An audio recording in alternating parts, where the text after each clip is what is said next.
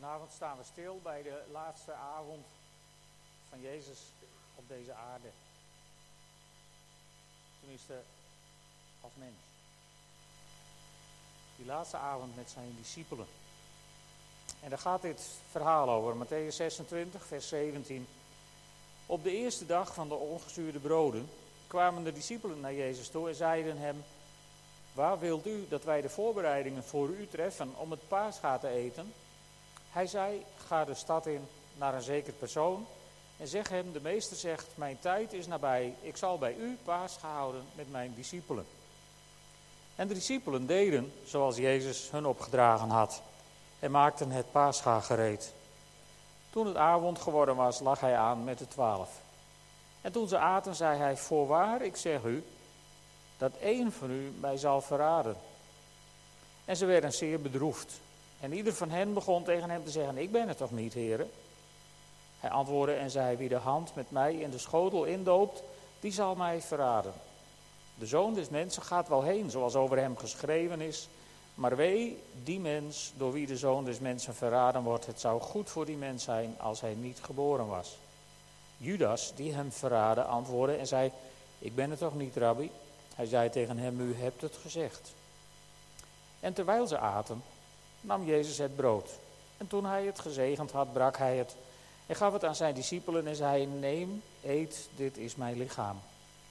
Hij nam ook de drinkbeker en nadat hij gedankt had, gaf hij hun die en zei: Drinkt allen daaruit, want dit is mijn bloed. Het bloed van het nieuwe verbond, dat voor velen vergoten wordt tot vergeving van zonden. Ik zeg u dat ik van nu aan van de vrucht van de wijnstok niet zal drinken tot op de dag wanneer ik die met u nieuw zal drinken in het koninkrijk van mijn vader. En toen zij de lofzang gezongen hadden, vertrokken ze naar de Olijfberg. Tot zover. Als de discipelen aan Jezus vragen waar wilt u dat wij voorbereidingen voor u treffen, dan stuurt hij ze dus de stad in naar een zekere persoon om tegen die persoon te zeggen: Goedenavond, vanavond kom ik bij jou eten. Ik kom bij jou het paascha vieren. En zo gingen de discipelen naar Jeruzalem en uh, gingen voorbereidingen treffen. En dat was een hele hoop. Er moest, uh, moest uh, gekookt en gebakken en gebraden. Maar eerst moest er een lam gekocht worden. Dus ze waren naar de tempel geweest, waar die tafeltjes van Harry ondertussen weer netjes overeind waren gezet. En ze hadden daar waarschijnlijk voor een schandalig woekerbedrag een lam gekocht. En uh, dat hadden ze laten slachten door de priester. En dat was klaargemaakt. En toen was het zover. Maar opvallend is dat Jezus zich gewoon aankondigt. Soms doet hij dat in een mensenleven ook. Gewoon aankondigen. Jezus zegt weliswaar in de Bijbel van zie ik sta aan de deur en ik klop. Maar hier klopte hij niet. Hier kwam hij gewoon van goedenavond, hier ben ik. Een beetje, het lijkt een beetje op de ontmoeting met Zacchaeus. Ook zo'n ontmoeting. Zacchaeus die dacht dat hij boom zat, mooi tussen de bladeren. Niemand zag hem. En ineens staat Jezus omhoog te kijken en die zegt, Zacchaeus, ik kom vanavond bij jou eten. Misschien heb je ook wel eens zo'n ervaring gehad. Dat Jezus plotseling in je leven binnenkomt of plotseling inspreekt in een situatie in je leven. Zonder eerst te vragen of dat wel mag en of je daar wel open voor staat. Zo, zo hebben wij mensen geleerd te communiceren om dat eerst even te checken. Zo niet Jezus. Die meldt zich en die zegt: Hallo, vandaag ben jij aan de beurt. Ik kom bij jou, want ik heb je wat te zeggen. Of ik wil iets met je, of bedenk het maar. Dus zo komt Jezus binnen en uh, misschien heeft die eigenaar van dat huis, dacht ik, wel net zo gereageerd als Zacchaeus. Want Zacchaeus, ja, die zat daar veilig in die boom. En die had natuurlijk naar beneden kunnen kijken en, en, en kunnen zeggen, nou dat past me vanavond niet, want ik heb al een afspraak. Of we hebben niks in huis, of ik bedoel, hij had makkelijk iets kunnen bedenken. Maar nee, in de Bijbel staat dat Zacchaeus meteen naar beneden kwam en Jezus vol vreugde bij zich thuis ontving. Waarschijnlijk heeft deze man dat ook gedaan. Vol vreugde zijn huis voor Jezus beschikbaar gesteld, een ruimte aan hem gegeven, met alles erop en eraan en erin, behalve een voetenwasser. En zo gingen ze daar het paasfeest voorbereiden. En de vraag is, om wie gaat het eigenlijk? Dat is een vraag waar ik vanavond even over na wil denken. Want eerst vragen de discipelen nog aan Jezus, waar wilt u dat wij het paas gaan bereiden? Maar later hebben ze het heel druk met hun eigen zaken. Ik ben het toch niet? Zo was het Zwarte Pieterspel begonnen van deze discipelen. Stel je nou toch eens voor, stel je nou toch eens voor, dat ik tegen jullie zou zeggen, dit is fictie, even voor alle duidelijkheid. Stel je voor dat ik tegen jullie zou zeggen, ik ben uh, heel erg ziek en ik heb nog, uh, nog een paar dagen te leven, dus dit is mijn laatste preek, ik neem afscheid. En jullie zouden allemaal bezig zijn, hoe moet het nou met de gemeente en hoe moet het nou dit en wie preekt er nou volgende week zondag en, en, en dan zou ik hier heel zielig op het podium zitten en mij doodongelukkig voelen. Kunnen jullie dat voorstellen? Nou, en hier is Jezus en die zegt, luister eens vrienden, één van jullie zal mij verraden. En niemand heeft aandacht voor Jezus. Ze zijn allemaal heel druk. Ik ben het toch niet, ik ben het toch niet. En zo zitten ze waarschijnlijk met elkaar te praten. Nou, en uh, wie, wie denk jij dat het zou zijn? Nou, hij of hij of hij. Want kijk, wij zijn het natuurlijk niet. Dus, dus er waren elke keer maar, maar elf kandidaten van de twaalf. Want degene die om zich heen zat te kijken, die vond van zichzelf dat hij het niet was. Zo gaat het ook meestal met ons. Hè? Als een schuldige moet worden gezocht, zijn wij dat nooit. Dus zitten we altijd om ons heen te kijken. Wie zou het dan wel niet zijn? En niemand kwam even naast Jezus zitten en zeggen: Meester, wat, wat vervelend voor u. Kan ik ook nog wat voor u doen? Kan ik u helpen ergens mee? Niemand. Niemand. Want hij was alleen in de hof van Gethsemane. Maar hoe alleen moet hij geweest zijn in deze avond? Waarin niemand ook maar de moeite nam om eens even te peilen hoe, hoe Jezus erin stond, om het maar in moderne woorden te zeggen. Nee, allemaal waren ze druk bezig. En ze leken meer bedroefd om hun eigen reputatie dan om het lot van hun meester. En veel in het leven van deze discipelen draaide overigens op zichzelf. Het was een heel illuster gezelschap waar Jezus hier mee de laatste maaltijd vierde. Weet je, een tijdje geleden was er een geweest en die had iemand ontmoet. En die preekte over Jezus en die genas zieken en die dreef demonen uit. En die, die, die deed alles, alle charismatische dingen, deed hij uit het boekje. En dat wilden ze hem verbieden omdat hij niet van open thuis was. En Jezus zei, ja, doe niet zo flauw. Wie niet tegen ons is, is voor ons. Dus wat is het probleem? En, en een tijdje later, dat staat overigens in Lucas 9, vers 48, als u het wilt nakijken. In Lucas 9, vers 54, dan willen ze ineens vuur van de hemel bidden, omdat het welkomstcomité hun niet aanstaat. Ze zijn niet welkom in een stad. En dan zegt werkelijk een van die jongens, met droge ogen tegen Jezus zullen we bidden dat er vuur van de hemel komt om die stad te verteren. Leuke mensen hoor, hele leuke jongens waren dit, waar Jezus hiermee aan dat avondmaal zat. En, en, en als Jezus zijn sterven aankondigt in Lucas 9, vers 44, dan moet je eens opletten. Dan zegt Jezus, onthoud wat ik tegen jullie zeg. Dat deden ze overigens niet, want dat waren ze met Pasen al vergeten. De mensenzoon zal aan de mensen uitgeleverd worden. Maar ze begrepen deze uitspraak niet. De betekenis bleef voor hen verborgen. En ze durfden hem niet vragen naar de zin van die uitspraak. Ze begonnen onderling te reden twisten wie van hen de belangrijkste zou zijn. Kun je je voorstellen? Je zegt tegen je beste vrienden: Ik ga naar Jeruzalem en daar ga ik dood, lieve vrienden. Vervolgens brandt de strijd op je opvolging los waar je bij bent. Leuke mensen, hè, waar Jezus mee op reis was naar Jeruzalem. En, en, en, en nog, er waren er twee bij, die gooiden zelfs hun moeder in de strijd om de beste plek te krijgen. Prachtig volk dit. Matthäus 20. De moeder van de zonen van Zebedeus, die kwam met haar zonen naar hem toe, viel voor hem neer om hem een gunst te vragen. Hij vroeg haar, wat wilt u? En ze antwoordde, beloof maar dat deze twee zonen van mij in uw koninkrijk naast u mogen zitten. De een rechts van u en de ander links.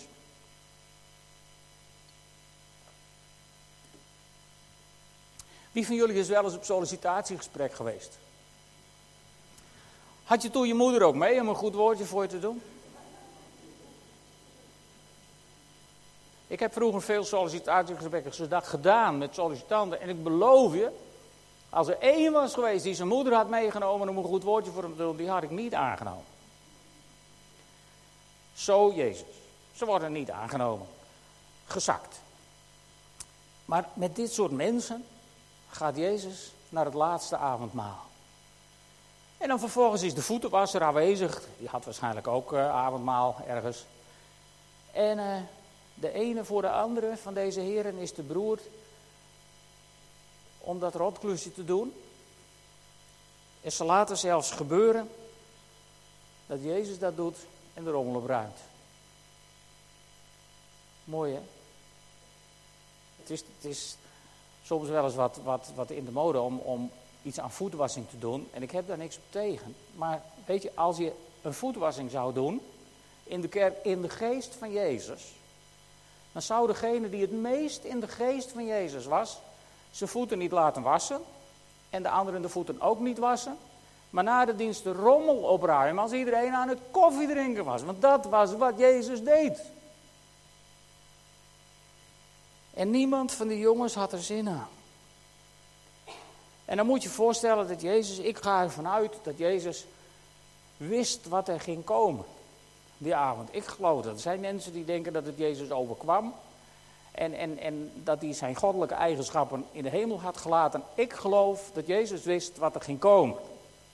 Dat maakt het alleen maar indrukwekkender dat hij het liet gebeuren, voor mij. Dus Jezus wist dat ze binnen een paar uur zouden al die jongens daar hem in de steek laten. Ze zouden allemaal gillend op de vlucht slaan. Dat zegt hij ook tegen hem. En dan is er één van die, van, van, van die jongens, die is zo collegiaal, dat hij tegen Jezus zegt, Heer, moet u eens luisteren. Zij misschien wel allemaal, maar ik niet hoor. Leuke mensen, hè, waar Jezus avondmaal mee ging vieren. En, en, en Jezus wist ook dat diezelfde hem die nacht drie keer zou verloochenen. Zelfs zou, zou vloeken bij de naam van God dat hij Jezus niet kende. Ja, en er was ook één bij, die zou over drie dagen, als Jezus was opgestaan, zeggen: Ik moet het eerst zien en dan geloven. Oh, wat leuk volk, hè? En, en het ergste was, er zat ook één aan tafel en die had hem verkocht. Een paar dagen geleden. Voor het loon van een slaaf. 30 zilverstukken. Stond in de wet van Mozes. Als een boer een dolle stier had, en die brak uit en die doodde iemand. Dan moest die stier gedood worden. En de boer ook. Als vergelding. Maar als die stier een slaaf doodde. Maar dat was niet zo erg, dan hoefde die boer niet dood. Dan moest hij 30 zilverstukken, een schadevergoeding betalen. Daar was Jezus voor verkocht, voor dat loontje. Voor de prijsje. Dat wist hij ook.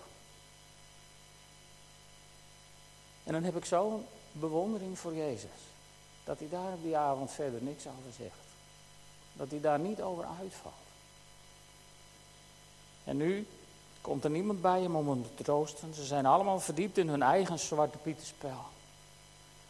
Kortom, de kerk was er ook bij dat laatste avondmaal. Want zo zijn we toch vaak onder elkaar. Of is dit niet de avond om eerlijk te zijn? En dan gebeurt er iets heel merkwaardigs. Het staat daar zo onopvallend terwijl ze aten. Eigenlijk terwijl ze bezig waren met hun gewone ritueel van de paascha, wat ze elk jaar deden. Ze waren bezig met hun gewone ding. Ze werkten netjes de liturgie af.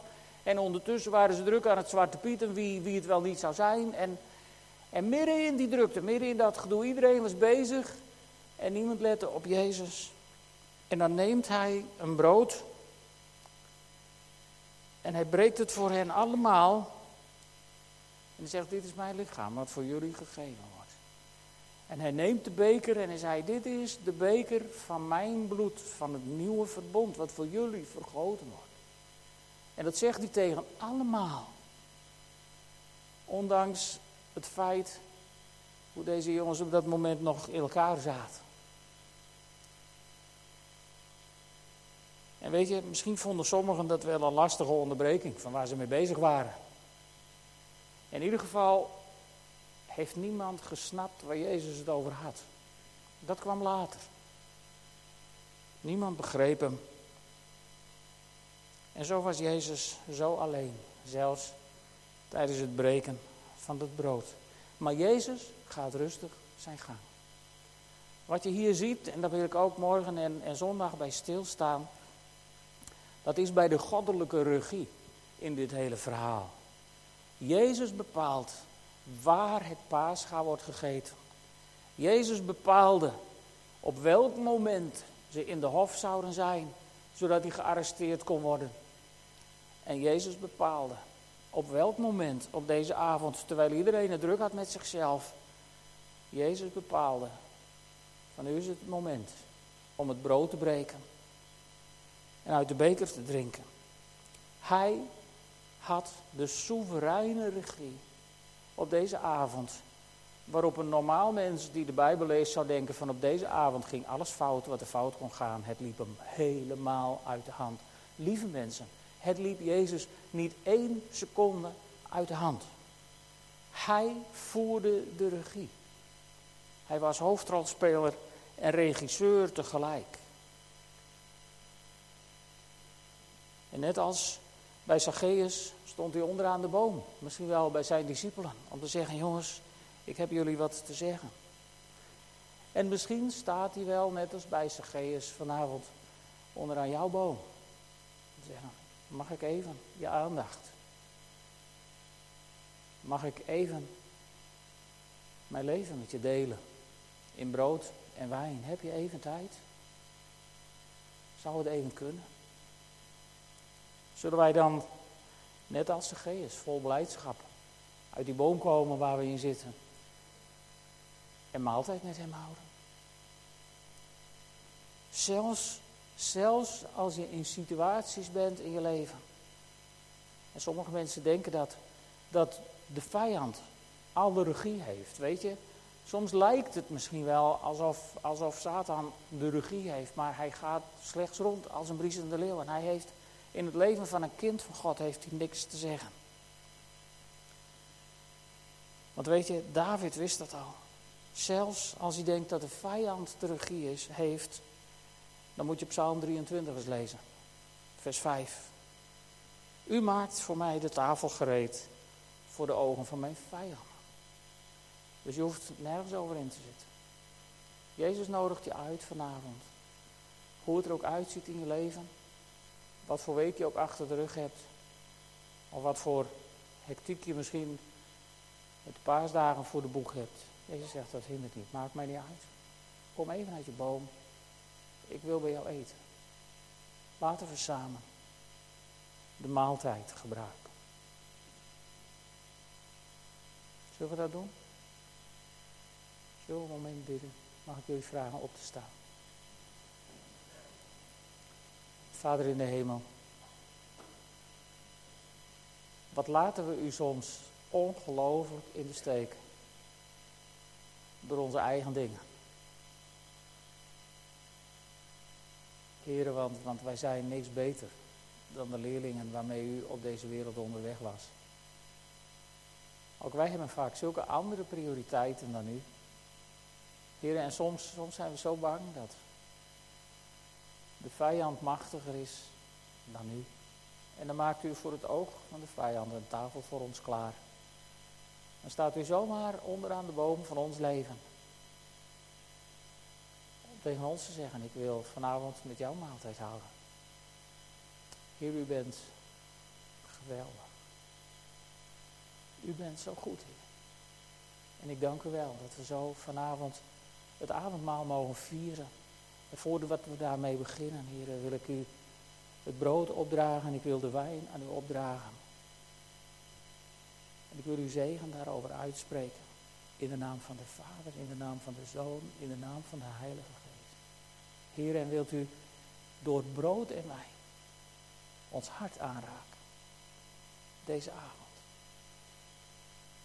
Heer, ik dank u wel voor uw genade.